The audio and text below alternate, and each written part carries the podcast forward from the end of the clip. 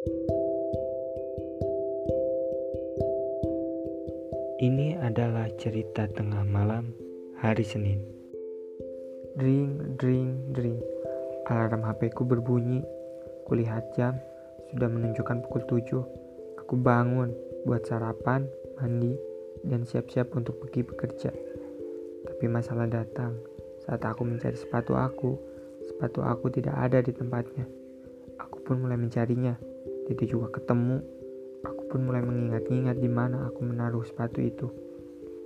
Setelah berpikir beberapa saat, aku pun sadar kalau sepatu itu aku simpan di atas genting rumahku setelah aku cuci. Tapi sial, saat aku ambil, sepatu aku bukannya kering, malah basah. Semalam memang hujan. Aku tak punya sepatu lain selain ini, dan terpaksa aku harus memakai sepatu basah kantorku. Tak lama aku panaskan motor Vespaku, lalu aku berangkat. Cuaca hari ini panas, tapi kakiku dingin karena basah. Rasa tak nyaman karena sepatu basah, lama-lama jadi biasa.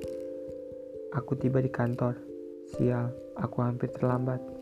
Gara-gara mencari sepatu. Sesaat aku mau masuk kantor, ada yang memanggilku. Saat aku tengok, ternyata itu Nadia wanita yang aku sukai sejak SMA, kuliah, bahkan bekerja. Tak mengapa, kami selalu ada di tempat yang sama selama ini, tapi tak pernah sekalipun kami dekat.